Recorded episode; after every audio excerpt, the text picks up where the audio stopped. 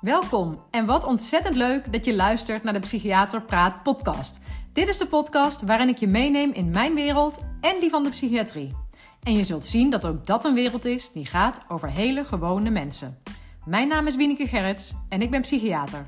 Ik ga ervaringen en verhalen vertellen uit mijn persoonlijke leven en uit het leven van mijn patiënten. Laat je raken, inspireren, motiveren of gewoon een hart onder de riem steken. Mijn missie is om zoveel mogelijk mensen in beweging te zetten om voor zichzelf te zorgen. Door met elkaar te delen en hulp te vragen als dat nodig is. Niet alleen bij professionals, ook bij elkaar. Zo maken we samen het leven wat draaglijker en onszelf of de ander soms gewoonweg een stukje gelukkiger. Heel veel luisterplezier!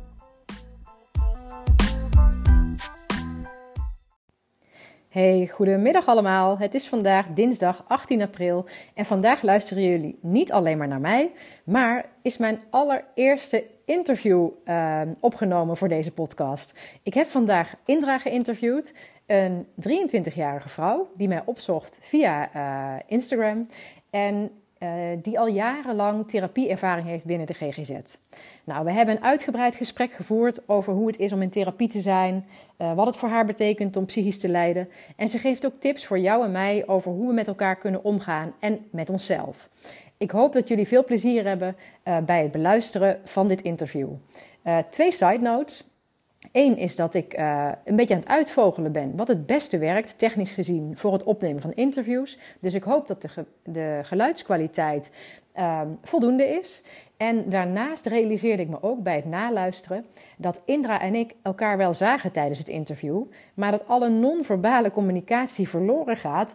Uh, in de online publicatie van de podcast. Ik schrok zelf een beetje bij het gebrek uh, aan hoorbare empathie van mezelf richting Indra. Nou, weet dus dat voor mij uh, dit interviewen ook zonder beeld voor mij ook weer even een nieuw vak is om te leren en uh, dat ik daar een positieve uitdaging in zie. Nou, ik wens jullie heel veel plezier met luisteren.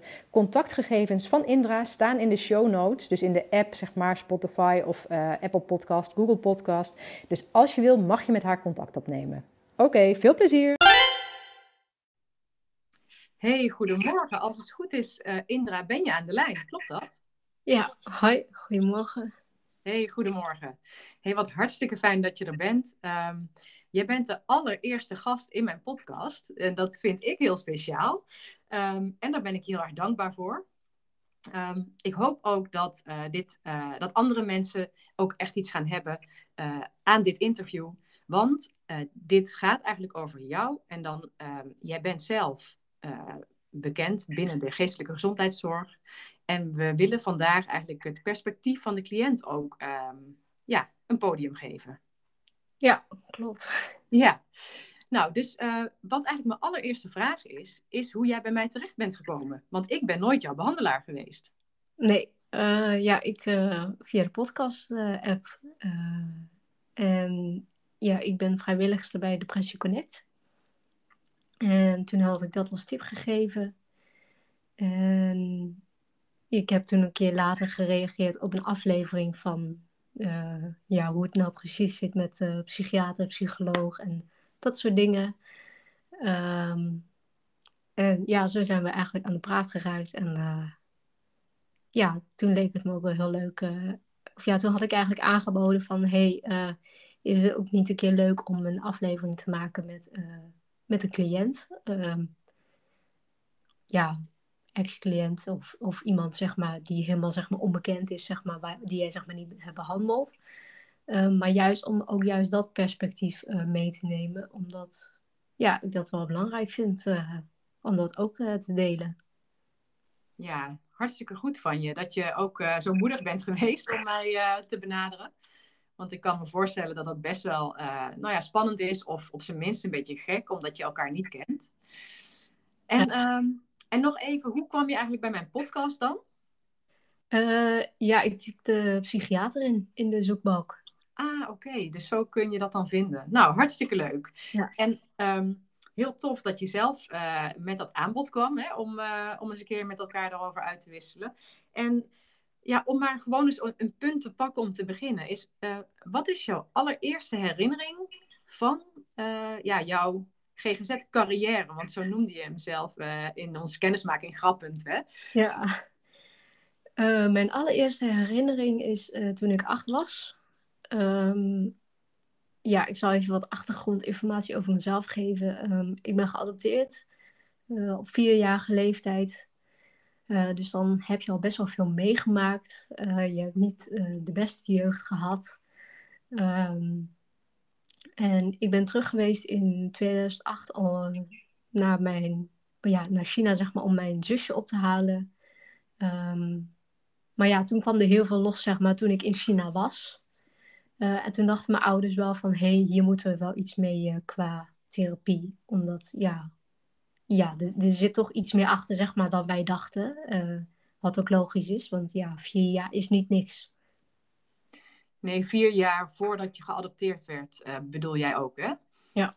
En in die eerste vier levensjaren, uh, ja, ja, heb je geen goede jeugd gehad. Zo, zo noemde jij het net. Ja. Wil je daar iets over vertellen?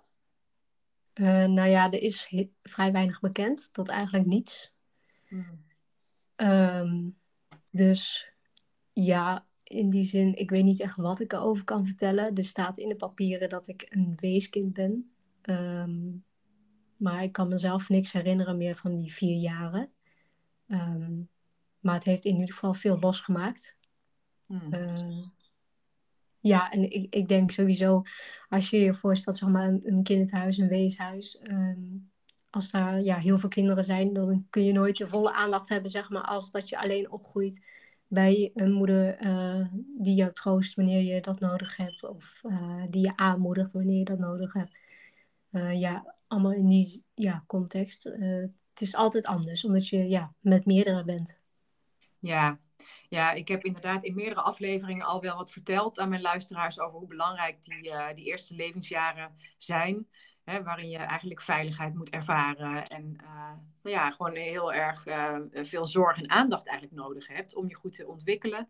En die periode bij jou is op zijn minst, ja, hoe zeg ja, is op zijn minst is inderdaad ongunstiger geweest. En je weet dus zelfs eigenlijk niet precies hoe die was. Hè? Maar je kunt wel aannemen dat dat voor jou niet, nou, dat, je, dat het niet dienend voor jou is geweest. Nee.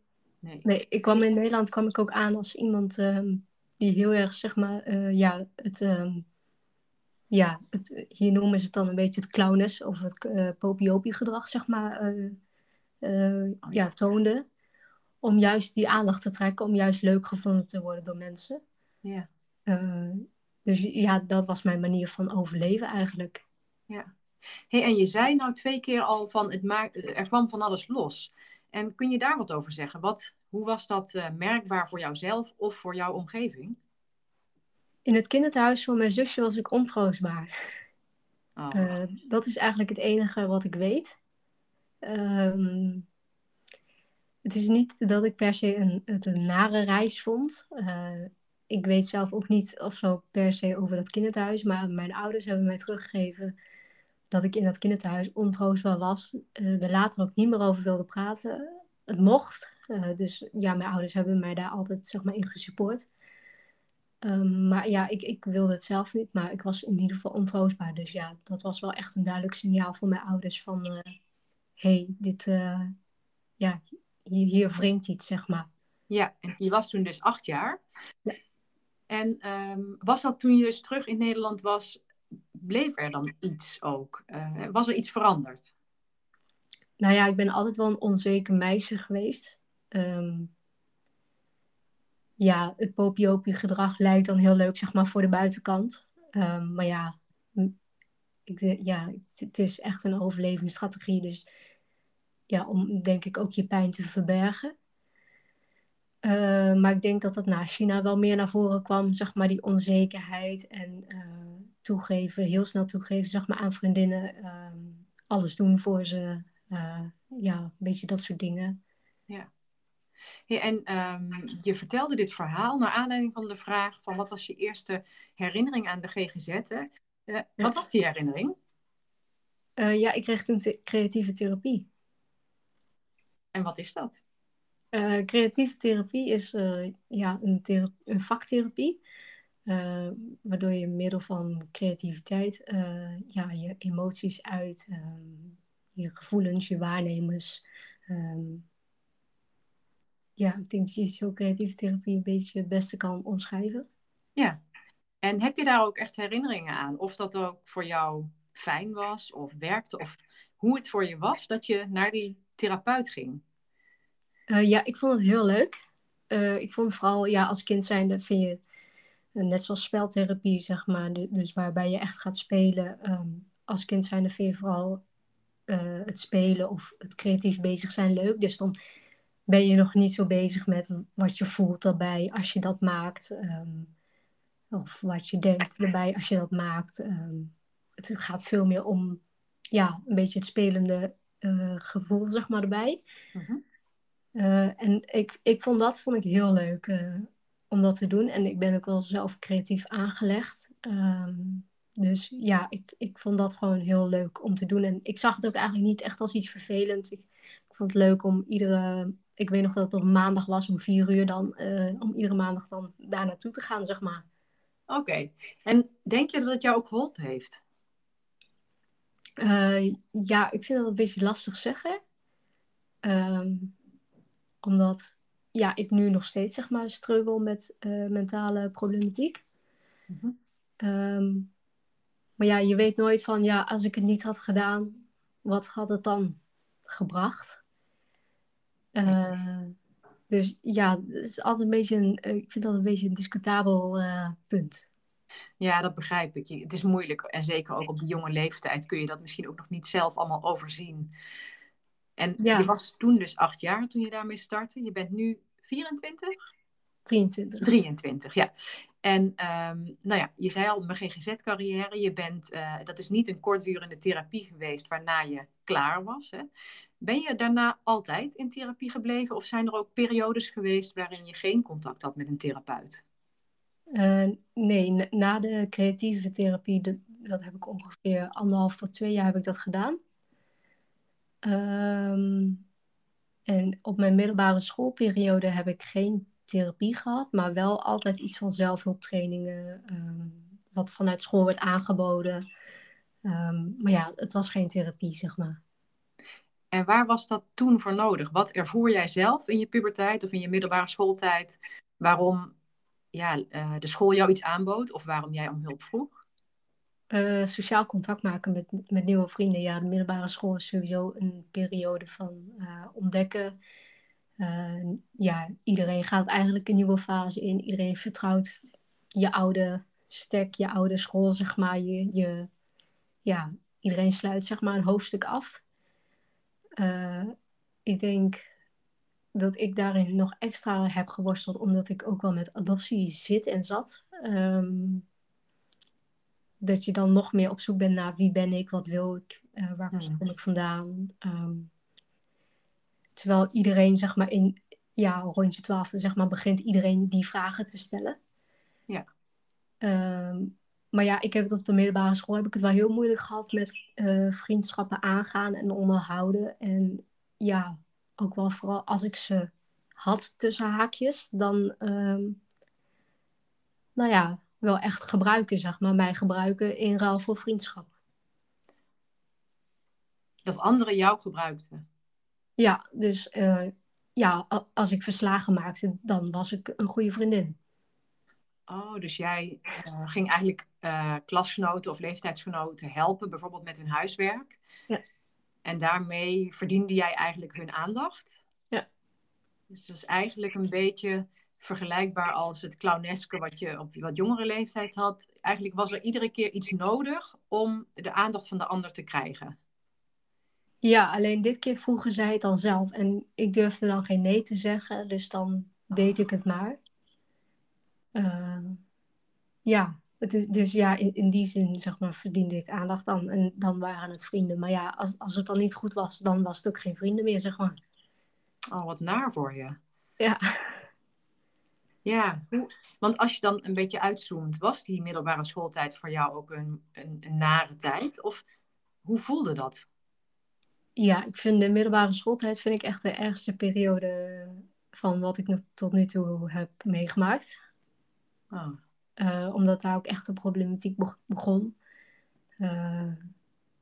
ja, ik, ik had ook wel gehoopt of zo op een leukere tijd qua ja, nieuwe vrienden maken, nieuwe, nieuwe dingen opdoen, ja, jezelf ontdekken. Maar eigenlijk kroop ik steeds meer ja, terug in mijn eigen schulp. En deed ik zeg maar alles voor een ander. Uh, ja, en, en toen begon ik me wel steeds depressiever te voelen. En ja, steeds meer ja, nader, zeg maar. Dus ja, dat was niet uh, mijn beste tijd, zeg maar. Nee, wat ongelooflijk naar voor je. Ja. Ja, dat moet heel verdrietig zijn. Eigenlijk behoorlijk alleen, denk ik, hè? Ja, heel alleen, omdat ik ook niet mijn ouders uh, voor het hoofd wilde stoten. Um, ja, kom ik toch ook een beetje terug op een stukje adoptie. Ja, toen begon ik dus ook te denken over adoptie en zo. En dan, ja, als geadopteerde ben je heel loyaal naar je adoptieouders. Um, Je wilt hen niet kwetsen, maar je worstelt ook met van, hé, hey, wie zijn mijn echte ouders? Um, wat heb ik van ze? Ja, ik kan zo echt nog uren door praten over vragen, zeg maar. Ja. Ehm, maar ja, je wilt hen ook niet voor het hoofd stoten. En ja, je kunt je dus ook niet kwijt bij je vrienden uh, die je niet hebt. Uh, dus ja, waar moet je dan, zeg maar, doen? Uh, dus ja, het was wel heel alleen. Ja, je zat eigenlijk met heel veel levensvragen, gewoon identiteitsvragen. En je had eigenlijk niet echt een plek waarbij jij voor je gevoel in ieder geval ook terecht kon. Nee. Nee. Hey, en je zei net ook, ook al uh, van, uh, ja, dat die, die creatieve therapie was niet het enige, hè, want later waren er ook nog mentale problemen. Uh, wat is nou eigenlijk mentaal lijden of psychisch lijden? Heb jij daar, wat is, wat is in de kern, zeg maar, het, wat het zo erg maakt? Oeh, ik, ik, denk dat die voor iedereen verschillend is. Um, want ja, de een kan gewoon meer aan dan de ander. De een die valt misschien om bij. Uh, of ja, valt om is misschien ook een heel groot woord. Maar de een die, die vindt het heel erg bijvoorbeeld. Uh, nou ja, als ik het even heel gechargeerd mag zeggen. Maar stel. Um, nou ja, je, je, je huis die overlijdt bijvoorbeeld. Uh, dan vindt, kan iemand daar helemaal. zeg maar van. Ja, in de war zijn of zo. Of gewoon helemaal depressief um, zijn. Of somber. Um, en de ander die kan misschien echt wel, ik weet niet hoeveel ja, problemen aan of um, heel veel, hoe, hoe, noem ik dat, heel veel tegenslagen hebben. En dat diegene dan pas uh, omvalt. Ja, en wat is dat omvallen dan precies? Wat is dat dan? Ja, als ik het voor mezelf bekijk, dat, dat je dan echt niet meer kan. En uh, dat je dan wel echt denkt van ja, uh, wat, wat is nog de zin van het leven? Dat is echt het, het, het, dieptepunt, het ergste van. Ik, ja, als ik voor mezelf kijk, wel, ja. Ja, dat je, want je zegt ook van dat, dat je denkt dat je het niet meer aan kunt. Ja. En, dat, en het niet meer aankunnen is dus het niet aankunnen van de pijn eigenlijk. Zeg ik dat ja. goed? Ja, van pijn. Er is zo'n psychische pijn of zo, hè? Zo'n leed waarvan je denkt, dit kan ik niet meer aan en, en ja, wil ik dit nog wel? Of wat is nog de zin van mijn bestaan? Ja. Oh ja, dat is enorm heftig. En dat heb jij dus gehad? Of ik weet niet of dat nog steeds wel eens zo is? Uh, ja, dat ervaar ik nog steeds. Zeg je met een grote lach, hè? want oh ja, dat weten de luisteraars niet. We hebben wel beeld ook hè, via de computer. Maar eigenlijk is dat dus iets heel verdrietigs. Ja. Ja. Jeetje. Want ja, je zegt, wat is nog de zin van ons bestaan? Hè? Dat, dat, dat dat dan in je opkomt van, ja, dit niet in ieder geval, hè? Dat, dat lijden. Mm wat, wat, heb jij een idee over, wat is eigenlijk de zin van ons bestaan? Waarom zijn wij hier? Ja, voor anderen zou ik het uh, helemaal kunnen invullen. Uh, ik geloof dat iedereen uh, ja, ja, je hebt dat denk ik ook al wel, wel eens eerder aangegeven, maar iedereen wordt onschuldig geboren en iedereen mag er zijn. Iedereen die geboren wordt mag er zijn. Mm-hmm. Um, en ik denk dat ook iedereen uh, een toevoeging heeft op elkaars leven, op elkaars ja, bestaan. Ehm, soms kom je mensen tegen, uh, ik noem even ons als voorbeeld. Ehm, ja, wat dan ja, zo gewoon, ik weet niet, uh, ja, ik geloof er wel een beetje in wat dan of zo bij elkaar brengt. En dan kun je elkaar iets toevoegen. Um, dus ja, ik, ik weet niet, het, het kan ook gewoon in kleine dingen zitten. Bijvoorbeeld een vriend die je tegenkomt en die er dan helemaal voor jou kan zijn. Uh, ja, ik denk dat dat uh, wel de zin van het leven is of de zin van het bestaan. Gewoon dat jij een toevoeging bent voor ja, de wereld en uh, dat jij andere mensen harten kan ja, laten bloeien of groeien of helen. ik weet niet ja, hoe je het wil noemen. Ik denk dat dat de essentie is. Ja, dus jij zegt, uh, we worden allemaal onschuldig geboren met allemaal het recht, hè? Of, of de, ja, we mogen er allemaal zijn. En uh, de zin van het leven is eigenlijk vooral die verbinding met elkaar en iets aan elkaar bieden. Dus uh, ja, iets waarde toevoegen aan de wereld, aan, aan de andere mensen ook. Ja. Ja. En eigenlijk, ja, dan als ik zeg maar even mijn logische denken aanzet, dan denk ik, maar daar ontbreekt het dan qua zingeving soms bij jou aan, of niet? Dat je eigenlijk het gevoel hebt dat dat niet zo is. Ja, maar dat is dus heel erg, ehm, dat is wat ik weet uh, bij vroegkindelijk trauma, wat je mist. Uh, omdat niemand, ja, als baby ben je zo hulpeloos. Um, uh, ja, alles moet zeg maar voor jou gedaan worden. En als dat niet wordt uitgelegd of als jij niet die aandacht of die zorg krijgt, dan ga je jezelf de schuld geven. Uh, ja, dat, dat is een natuurlijke reactie van ons brein. Uh, ja, ik weet niet, ik ga er ook niet te veel theorie op inwijden, maar ja, zo werkt dat, dat gewoon. Mm um, ja, en, en die, die, heb ik niet gehad. Ik, ik zal niet, zeg maar, niet genoeg die zorg en aandacht hebben gehad, uh, waardoor ik zelf mijn eigen bestaan kan voelen. Hmm. En geloof je erin dat dat nog uh, op een bepaalde manier te helen valt of te herstellen valt? Ik geloof er meer in dat uh, het een litteken zal blijven, maar ja, wel uh, geen open wond meer, zeg maar. Ja. ja, dus het is wel, ja, het is een wond. Ja. En die kan wel op een bepaalde manier genezen maar nooit uh, helemaal uh, dat het onzichtbaar wordt. Hè? Je nee. blijft er altijd wat van zien. Ja. En hoe zou zich dat dan uh, laten zien in jouw volwassen leven, zeg maar? Dat, ja, wat hoop je te bereiken? Zeg? Wat zou er nog moeten veranderen voor jou? Waardoor je dat meer kunt gaan ervaren, de zin van het leven eigenlijk. Ja, gelukkiger zijn met mezelf gelukkiger zijn met, uh, met wie ik ben. Mijn zelfbeeld uh, beter ja, hebben. Uh, in relaties ook met anderen. Dus niet te veel pleasen of ook een keer grenzen durven stellen. En echt voor mezelf kiezen.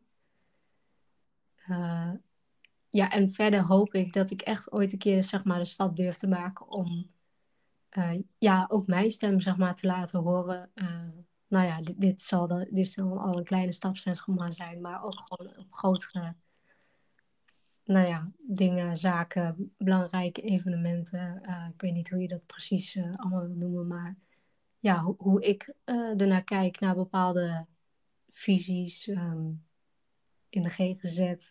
ja, dat soort dingen. Ah, dus je zet eigenlijk al een hele mooie eerste stap door nu assertief eigenlijk mij te benaderen met deze vraag. Super goed van je.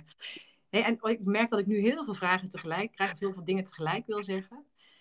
Maar want dat was wel wat me opviel toen je vertelde over wat is de zin van ons bestaan. Dat je ook best wel de nadruk legde op uh, wat je aan anderen te bieden hebt. En wat bij mij, en ja, nou ja, dat is ook mijn vak natuurlijk, maar wat bij mij aanging was dat ik dacht, hé, hey, maar wacht even, wat mag je aan jezelf geven? Wat hoef jij niet van waarde te zijn voor de ander, maar mag je ook van waarde zijn voor jezelf? Uh, ja, ik denk dat heel veel mensen zich hierin gaan herkennen, maar uh, ja, alles geldt zeg maar voor een ander, maar niet voor jezelf. Ja, het meten met twee maten eigenlijk. Ja, en dan jezelf er ver onder meten. Ja. Ehm, Dus je bedoelt eigenlijk ja, tegen een ander zou ik zeggen, ja, je mag waarde toevoegen aan jezelf. Hè? Je mag in jezelf eh, geloven en investeren en liefhebben, maar voor jezelf kun je dat nog niet goed hardop zeggen. Begrijp ik dat goed? ja, dan durf ik dat niet eens in de mond te nemen, want dan ben ik bang dat ik dus egoïstisch overkom. Of, ehm, Oh. ja. Ja, dat, ja, gewoon dat mensen mij egoïstisch vinden en dat ik dan eventueel afwijzing oploop. Dus ja, ja. Wat, wat pijnlijk om te horen, want ik zou het fantastisch vinden als je dat hardop zou zeggen nu, hè, van ja, ik ben de moeite waard of zo. En, maar, maar wat pijnlijk voor jou dat dat zo'n, ja, zoveel eh, blokkades kent, om dat te mogen denken misschien überhaupt. Is dat ook iets waar je in therapie mee bezig bent? ja, zeker. Zullen we het hebben dan nu over ehm, hoe het eigenlijk is om in therapie te zijn, nu zeg maar als volwassen vrouw? Eh, ja, ik vind het heel eh, moeilijk. Het vraagt een lange adem. Ik weet nog wel in het begin, eh, toen ik bij de crisisdienst kwam, toen dacht ik, oh, over een maandje dan, dan ben ik wel weg, dacht ik. Iets verkeerd ingeschat, want eh, inmiddels een paar jaar verder. Eh, ja, flink wel wat jaren. Ehm, ja, en, en eigenlijk bij iedere therapeut die, die ik in het verleden sprak, toen dacht ik, oh, ik doe dat wel eventjes en dan, eh, dan ben ik wel weg, maar. Eh, en toch, ja, toch is mijn inschatting eh, iedere keer fout. En nou ja, de therapie die ik nu volg, dan krijg ik wel het besef van, nee, dit gaat wel echt langer duren. Ik vind het ook tegelijkertijd wel een pijnlijk proces, want dan denk ik, oh, dan is er echt, nou ja, er is eigenlijk veel meer leed of zo aangedaan dan ik zelf ooit dacht. Hm. Ehm, maar ja, ik, ik hoop vooral dat het eh, ja, op een gegeven moment minder nodig is. Ik, ik heb voor mezelf ik, eh, al wel inmiddels het doel gesteld van, weet je, ik hoef niet helemaal therapievrij te zijn. Ik bedoel, ik volg het al sinds mijn achtste en of iets van cursussen of iets van, zeg maar, iemand waar ik zeg maar mee kan praten in ieder geval. Ehm, maar de mate waar ik nu therapie in heb, ja, ik hoop dat dat wel de mate een keer eh, afneemt. En dat ik dan gewoon eh, werk kan zoeken en een relatie aan kan gaan. En ja, een beetje het normale leven. Maar nog steeds ook wel iemand heb eh, waar ik mee kan praten. Ja. Hey, en je zei inderdaad de therapeuten die je in het verleden had, zei dat doe ik wel even. Was je daar eigenlijk ook heel erg gericht op het tevreden maken van de therapeut, eh, in plaats van eigenlijk heel erg voor jezelf iets betekenen? Ja, en vooral dat ik dacht van ja, dit heeft, ik, ik vertrouw jou niet, zeg maar. Eh, dat was ook heel erg eh, in het begin. Eh, dus dan doe ik wel alles wat jij zegt en dan ben ik heel snel klaar. dat was, wil, dat was mijn intentie.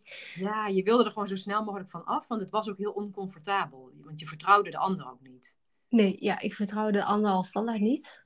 Ja, dus ja. als ik dacht van, als ik dan doe wat zij allemaal zeggen, dan gaat het allemaal wel volgens het protocol, zeg maar. En dan ben ik zo meteen bij het einde, zeg maar. En zou je dan ook kunnen zeggen, misschien maak ik veel te grote sprongen in mijn aannames hoor, maar zou je ook kunnen zeggen dat eigenlijk doordat je de therapie die je nu volgt en die je dus eigenlijk behoorlijk serieus neemt, zo hoor ik jou daar eigenlijk over praten, dat je daarmee misschien eigenlijk al een beetje tegen jezelf zegt van oké Indra, je mag er zijn. Jij bent de moeite waard om deze therapie te volgen. Eh, ja, denk Ja, ik weet niet. Ik, ik zou het nooit zelf hardop zeggen, maar Nee, met voorzichtigheid, ja. Ja, nee, want dat is zo, ja, zoals het op mij overkomt. Hè. Dus ik, ik hoor je zeggen dat het eigenlijk zo moeilijk is om jezelf centraal te stellen, want dat voelt direct veel te egoïstisch. En natuurlijk heeft dat zijn, zijn, oorsprong ergens ver in jouw vroege jeugd. Maar eigenlijk zie ik, als ik hoor, jou hoor vertellen wat je nu doet, dan denk ik, wauw, maar dit zijn dus die stappen.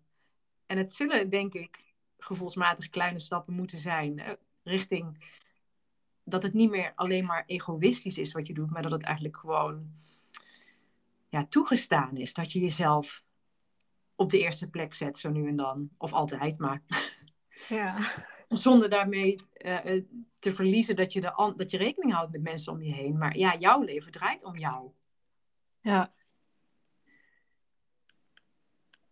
Ja, ik vind hem wel heel mooi. Ik heb er nog nooit zo over nagedacht. Ja, ik heb echt altijd heel veel bewondering voor mensen zoals jij. Die zo, ja, in therapie gaan. En ik, ik ben natuurlijk psychiater en ik ben zelf nooit voor mezelf in therapie geweest. Dus ik, ik heb mijn perspectief vanuit de hulpverlener. En ik kijk altijd naar mensen zoals jij, dat ik denk, wow, wat is daar veel moed voor nodig? Veel, ja, gewoon volharding, uh, doorzettingsvermogen, zo, om zo'n zo'n relatie aan, zo'n therapeutische relatie aan te gaan. Dat op zichzelf is gewoon, denk ik altijd, en dat zie ik natuurlijk aan de mensen met wie ik heb gewerkt, dat is al gewoon zo'n overwinning. Mhm. Ja, dat zeker. Ik, ik ben benieuwd, hoe, hoe ervaar jij dat, zeg maar? Hoe is het om inderdaad zo'n band op te bouwen met iemand, zo'n therapeut? Uh, ja, ik voel wel vrij snel uh, aan uh, of ik een klik heb of dat ik denk van ja, met jou wil ik wel voorzichtig zeg maar het pad verder bewandelen. Mm -hmm. mijn eerste behandelaar wist ik gelijk van nee, echt dat, dat wordt hem niet. Hmm. Um, en mijn tweede behandelaar, toen dacht ik, nou, dat doe ik wel eventjes, zeg maar. Ehm, maar uiteindelijk is dat uh, ja, opgebloeid tot iets heel moois. Uh, en daar hebben we ook wel echt uh, ja, vijf jaar lang samen opgetrokken.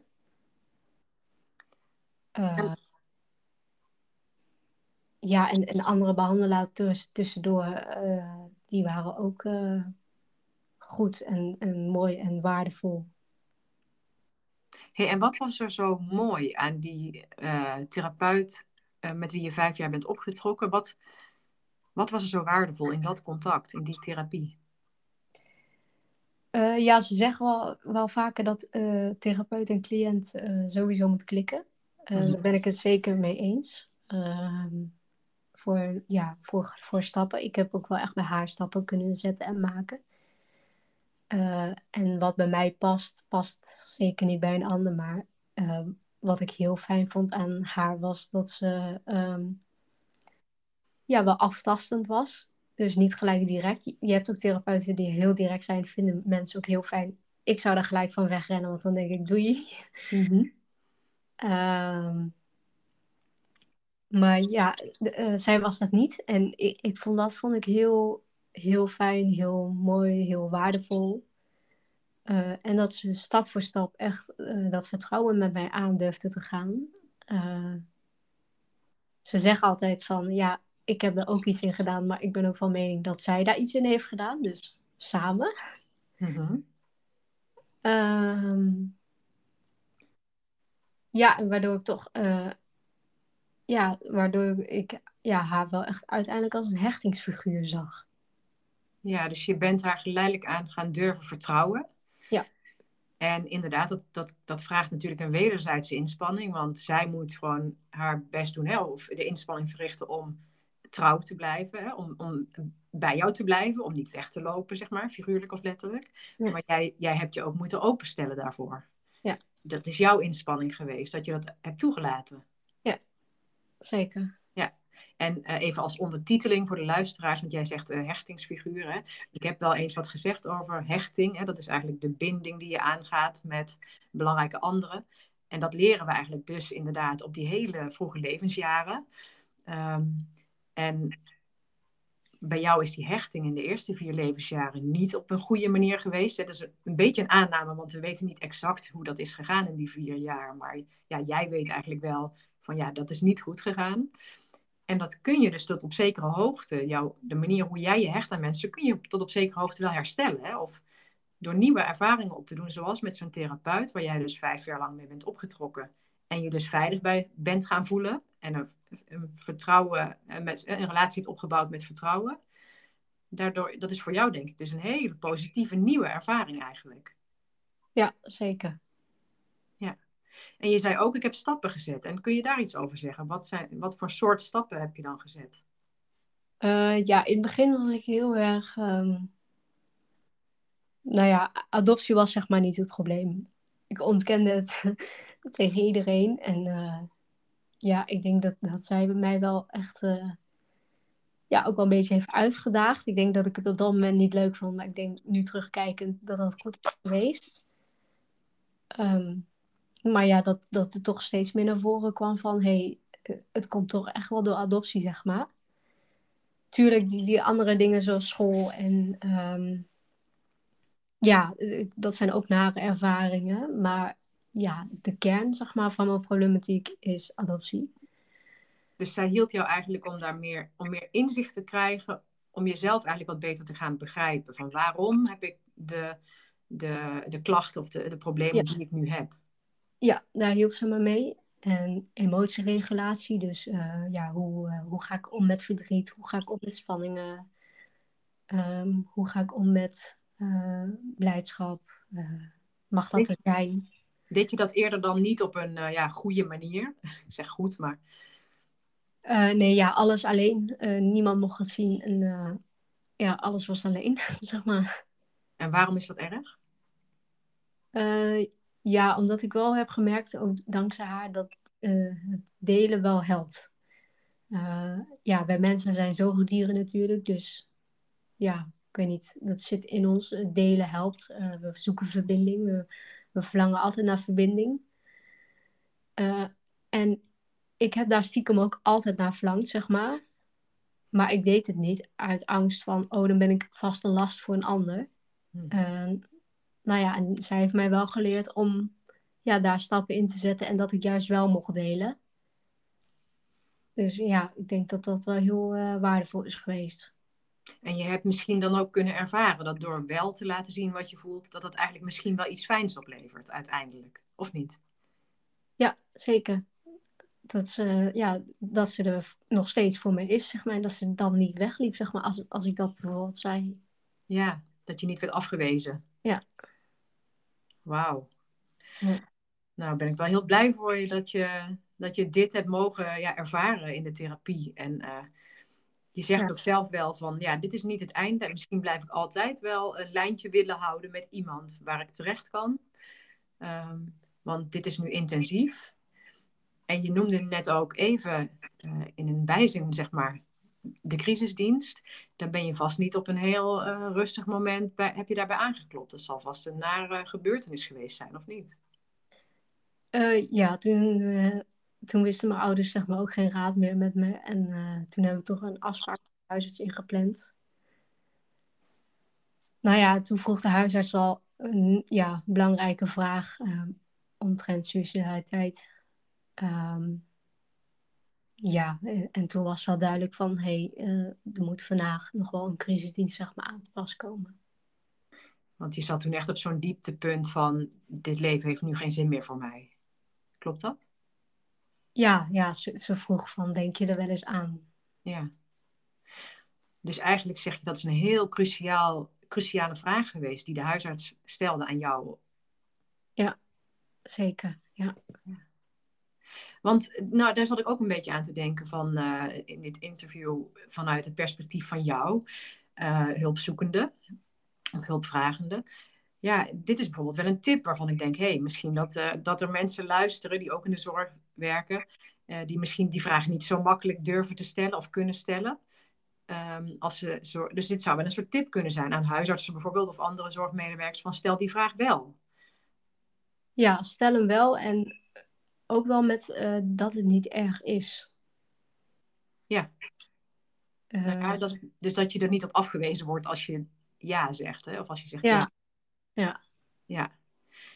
En um, ja, hoe zou zo iemand dan, want als jij dan in dat ja zegt, wat, uh, wat heb je dan nodig eigenlijk als reactie? Ik weet toen nog dat huis zei dat, dat ze het heel naar vond. Um, wat ik begrijp. Uh, wat, wat ik ook een prima, fijne reactie vond. Maar ja, ik weet niet, het kan natuurlijk voor iedereen verschillen. Uh, maar ik vond ook heel fijn dat er gelijk actie werd ondernomen. En niet dat ze zeiden van, nou, kom maar over een week terug en dan zien we wel, zeg maar. Uh, ja, dat het probleem ook echt serieus genomen werd. Ja, het werd echt serieus genomen, zeg maar. Ik had dan die donderdagmiddag had ik een afspraak en donderdagavond zat ik al bij de crisisdienst, zeg maar. Ja, Oké, dus eigenlijk is dit ook een voorbeeld van dat je iets van jezelf hebt mogen laten zien. Namelijk dat je eigenlijk heel diep zat. Ja. En dat dat serieus genomen werd en dat je niet werd afgewezen om wat je liet zien. Ja. Ja, dus dat zijn eigenlijk hele belangrijke dingen, hoor ik jou een paar keer nu zeggen. Ja. En hoe een therapeut met jou mag omgaan. Ja, zeker. Ja. En ehm, ja, want nog heel eventjes. eh, ik wil je nog een paar eh, vragen stellen, zeg maar. Eén is, heb je nog meer een soort van tips of ja, adviezen of iets op basis van je eigen ervaring wat je wil meegeven aan de medewerkers van de GGZ? Wat is belangrijk? Ehm, ja, werk samen met de cliënt. En heel veel eh, therapeuten denken dat ze dat doen. Eh, maar het gebeurt heel vaak niet. En ik ja, kan wel één voorbeeld uit de praktijk noemen wat ik heb heel erg ervaren. Ik was toen opgenomen en ehm, nou ja, eh, cliënten of eh, therapeuten, behandelaren zijn, stellen het erg op prijs als eh, cliënten zelf met iets komen van hé, hey, ik zie het zo of zo en ehm, ja, dit zou voor mij wel eens kunnen werken, zeg maar. Ja, dat stellen behandelaren op prijs. Dus zo gezegd, zo gedaan, kwam ik ook met een voorstel. En dat voorstel was toen, ik wil graag mijn therapeut twee keer per week zien in plaats van één keer per week, omdat ik denk dat dat eh, effectiever voor mij is, effectiever voor mij werkt. Eh, ja, ik weet niet, ik zag er iets in eh, en het hielp gewoon. Uh, maar ik weet nog dat mijn regiebehandelaar, en ja, dat is dus een behandelaar, zeg maar, die, die ja, eigenlijk ja, de behandeling coördineert, zeg maar. Ja, die was er eigenlijk best wel fel op tegen. en die zei van, ja, ik weet niet of we dat moeten doen en of de psycholoog dan nog meer gaat lospeuteren en of dat wel zo slim is. En ja, moet je niet naar de second opinion, zeg maar, um, voor persoonlijkheidsproblematiek. Toen zei ik, ik wil dat best doen, maar in ruil, was een beetje een ruilhandel, in ruil voor zeg maar, dat ik dan mijn therapeut twee keer per week mag zien. Toen was ze er nog steeds mee oneens, maar ja, ik bleef wel een beetje standvastig houden van, ja, anders ga ik niet. En toen weet ik nog dat uh, bij een, uh, ja, zo noemen ze dat, een zorgafstemmingsgesprek. Dus dan zit je vaak met me meerdere, psychia meerdere behandelaren zeg maar, in één kamer uh, een gesprek dat je hebt. Ja. toen weet ik nog dat de psychiater van destijds toen zei van, ja, maar luister nou eens naar dat meisje. Zij vraagt, zij komt met iets, zij vraagt iets. En ja, er is helemaal niks, zeg maar, wat het maakt dat het niet kan. Uh, en probeer het desnoods drie keer uit, zeg maar. En kijk wat dat oplevert. En ja, ga, ga dan met elkaar verder over in gesprek. En ik was die psychiater was ik zo dankbaar en mijn ouders ook. Uh, want die psychiater zag mij dus echt. En die zei van, ja, luister nou eens naar haar, zeg maar. Ja. Het is niet alleen maar wat, wat de GGZ wil. En uh, oeh, we zijn bang, zeg maar, dat het te veel losmaakt. Uh, ja, uiteindelijk kan je daar ook weer zelf weer mee terugkomen. En nou ja, die twee keer in de week afspraken hebben heel goed uitgepakt. We hebben het veel langer dan drie keer per week, of drie keer volgehouden. We hebben het echt wel uh, minstens een jaar volgehouden. En er heeft niemand meer, zeg maar, wat van gezegd. Nou ja, en ik ben dus ook uiteindelijk naar, de, naar, de, ja, naar het centrum, zeg maar, voor persoonlijkheidsproblematiek gegaan. Omdat ik zei van, nou oké, okay, omdat jullie nu wel naar me luisteren, dan ga ik ook naar jullie luisteren. Ja, ja. Um, maar ja, ik, ik denk dat ik vind dat vind ik wel heel, ja, heel helpend, zeg maar. Of heel dat ik hoop dat ik dat echt kan meegeven. Ook al denk je dat je luistert. Um, het, ja, het is niet altijd dat je zeg maar luistert. En je weet het zeg maar als behandelaar niet altijd beter. Uh, en ik denk zeker als een cliënt zelf aankomt met een plan, dan heeft die cliënt daar al wel overwogen, overdacht. Um, het is niet zomaar iets uit de lucht komen vallen. Um, en het is ook misschien omdat ze mij kennen. Uh, ik maak niet zo snel impulsieve uh, keuzes, zeg maar. Um, maar ja, wat ik echt wil meegeven is luister echt naar de cliënt. Ja, ga er echt naast staan, zeg je eigenlijk, hè? Ja. Niet erboven van ik weet het, hoe het moet en uh, oké, je mag wel wat zeggen, maar ik weet nog niet of ik met je meewerk. Maar echt eraan Ja. gaan staan en samen een plan maken. Ja, en, en ook niet invullen van, oh, maar dat gaat heel veel losmaken. En ehm, nou ja, nog een recenter voorbeeld bijvoorbeeld van, oh ja, maar nu, eh, dit, dit is beter voor jou, zeg maar, deze keuze. Ehm, dat weet je niet, want je praat vanuit jouw expertise, maar ik, zeg maar, als cliënt heb ook nog iets te zeggen. En ja, ik, ik vind dat vind ik wel het belangrijkste, zeg maar, om mee te geven. En is dit ook iets, een boodschap waarmee je ooit op een groot podium wil eh, uitkomen? Zeker. Ja? nou, mooi. Je hebt nu al een beetje een podium, hè? Want mijn podcast wordt ook redelijk, eh, of behoorlijk goed, goed beluisterd. Dus er zijn nu al mensen die, die deze boodschap horen. Ja. Hey, en ehm, heb jij ook nog eh, tips voor ja, medecliënten of gewoon luisteraars die hier luisteren? Heb je nog tips? Dus niet voor de professionals, maar juist eigenlijk de mensen die ook vanuit jouw perspectief kijken. Eh, ja, eh, het meest cliché antwoord eh, praat. Ehm, laat van je horen. Ehm, en een ander iets wat mij heel erg heeft geholpen is een, een uiting geven aan wat je voelt, wat je merkt. Ehm, ja, wa- waar je zeg maar mee worstelt. Eh, ik doe dat zelf door middel van gedichten. Ja. Eh, ja, daar kan ik echt mijn ei in kwijt, zeg maar. En nou ja, ik, ik vind dat eh, ja, heel helpend, heel helend, denk ik. eh, dat ik dat wel zo kan noemen. Maar ja, zoek iets voor jezelf. Is het een sport? Is het ehm, schilderen? Eh, nou ja, er zijn honderdduizend dingen om te bedenken. Maar ja, zoek iets voor jezelf daarin wat kan helpen. Waar jij jouw emoties in kan uiten. Want ja, soms hoeft het ook niet verteld te worden. Maar kun je het gewoon ja, op een andere manier zeg maar vertellen.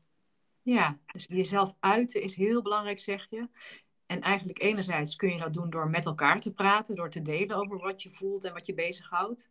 Ja. Maar er zijn ook allerlei, nou bijvoorbeeld creatieve of eh, ja, meer fysieke manieren om jezelf te uiten. En dat, jij doet dat middels dichten, maar dat kan ook inderdaad met iets anders creatiefs, of met zingen, of met sporten. Of... Dat zeg Ja. je, hè, doe dat. Doe dat. Wauw, wat een mooie, wat een mooie tip. En ehm, nou, dan wil ik jou nog, ook nog even wat extra podium geven. Extra, maar, want jij schrijft gedichten inderdaad. Maar dat is niet gebleven bij eh, een eigen schriftje eh, op je bureau of eh, je eigen computer, hè? Nee, het is gebleven bij. of ja, het is, niet, het is niet daar gebleven. Ik heb een dichtbundel uitgebracht. Ja. Het heet Grenzeloos Gewenst. Ja, het gaat echt over mijn adoptieproces. eh, hoe ik dat heb meegemaakt, hoe ik dat ervaar. Ehm, de struggles die ik daarin tegenkom. ehm, de struggles die een geadopteerde daarin tegenkomt. eh, ja, gewoon de struggles tegen, zeg maar, van mijn leven. Ehm, maar ik, ik heb ook al teruggehoord dat de gedichten ook heel erg kunnen aanslaan op gewoon eh, grotere thema's als gemis, ja, loyaliteit, eh, ergens naar verlangen. Ehm, nou ja, dat zijn allemaal denk ik al thema's wat iedereen ergens in herkent, zeg maar. Ja. Eh, dus ja, het, gaat wel echt over adoptie, maar eh, er, zitten ook heel veel gedichten, zeg maar, in ja, die je ook breder kan trekken. Mhm. Hey, en ehm, dat heet dus Grenzeloos Gewenst. Ja. Eh, even voor de luisteraars. Ik zal, ehm, de, eh, ik zal die titel en ook de website waar je die kan bestellen... zal ik in de show notes zetten van deze podcast. Zodat als mensen geïnteresseerd zijn, dat ze hem daar kunnen opzoeken. Hey, en we gaan een beetje richting een afronding. Maar ehm, vind jij het eigenlijk fijn of leuk als luisteraars eventueel met jou contact willen zoeken of niet? Ja, mag eh, via mijn Instagram, Indra Hagelstein. Die gegevens zal ik ook in de show notes zetten. Ja. Ehm, dus jij vindt, eh, ja, dus, eh, ze zijn welkom om jou eh, op te zoeken op Instagram en eh, contact eh, met je op te nemen als ze dat willen. Ja. Oké, helemaal goed. En ehm, ja, ik wil eigenlijk afsluiten met, en je hebt het natuurlijk al een beetje gezegd, hè, van je, je wil eigenlijk eh, hier een podium voor vinden. Wat is nou je allerdiepste verlangen of wens, zeg maar? Wat, ja, Eh, ja, mijn eigen ervaringen eh, overbrengen in de praktijk. en anderen daarmee gaan helpen? Hoor ik dat er ook in of niet? ja, anderen ermee gaan helpen, zowel professionals als ja, cliënten of, mensen die daarmee struggelen. Ik weet niet, want ook onder professionals is, ja, zijn er nog heel veel dingen waarvan ik denk, oh, er zijn nog zoveel dingen, zeg maar, die jullie niet begrijpen, zeg maar. ja, dus ja, ik hoop dat uiteindelijk uh, echt wel te kunnen doen. Nou, ik, uh, ik heb ehm, door hoe ik jou nu heb leren kennen, in deze korte tijd eigenlijk, maar heb ik echt heel veel vertrouwen in dat jij echt waarde toe te voegen hebt aan de wereld, aan anderen. En ik, ik wens je ook echt toe dat je mag gaan ervaren dat jij die waarde ook echt aan jezelf mag geven. Hè? En de credits daarvoor en de aandacht voor jezelf. Um, ik uh, wil je super erg bedanken voor dit interview, want ik zei het al in het begin, je bent mijn eerste gast, voor mij heel speciaal. ik vond het ook echt een heel fijn gesprek met jou. Um, ik hoop dat jij het ook als prettig hebt ervaren, als oké. Ehm, is er nog iets wat je wil zeggen of vragen? Nee, ja, ik dank je hartelijk dat ik de eerste mag zijn. ja, nou, dan gaan we bij deze afronden. Indra, hartstikke bedankt voor de luisteraars. Ik ga de, uh, een aantal gegevens nog in de show notes zetten. Dus als je meer wil weten of even wil weten uh, de dichtbundel of uh, wat Indra's contactgegevens zijn, kun je die daar vinden. Iedereen heel erg bedankt voor het luisteren. Indra, ongelooflijk bedankt voor dit interview. En ik wens jullie allemaal een hele fijne dag.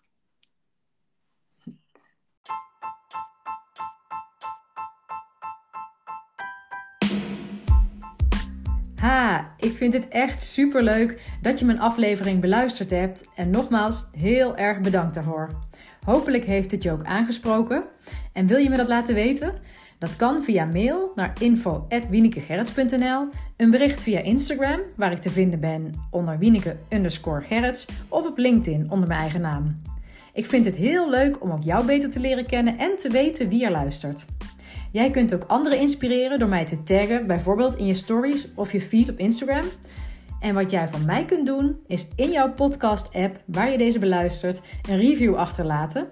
Bijvoorbeeld een aantal sterren. Wil je dat doen? Zo kom ik erachter of en hoe mijn podcast gewaardeerd wordt en wordt hij beter vindbaar voor anderen. Overigens kun je je ook abonneren op deze podcast in je app. Hoe dat per app werkt, weet ik niet precies, maar vaak is er een knop subscribe, abonneren of volgen en dan krijg je automatisch een berichtje of in je app te zien als ik een nieuwe aflevering heb geplaatst. Maar nogmaals, super, super, super dank en tot de volgende!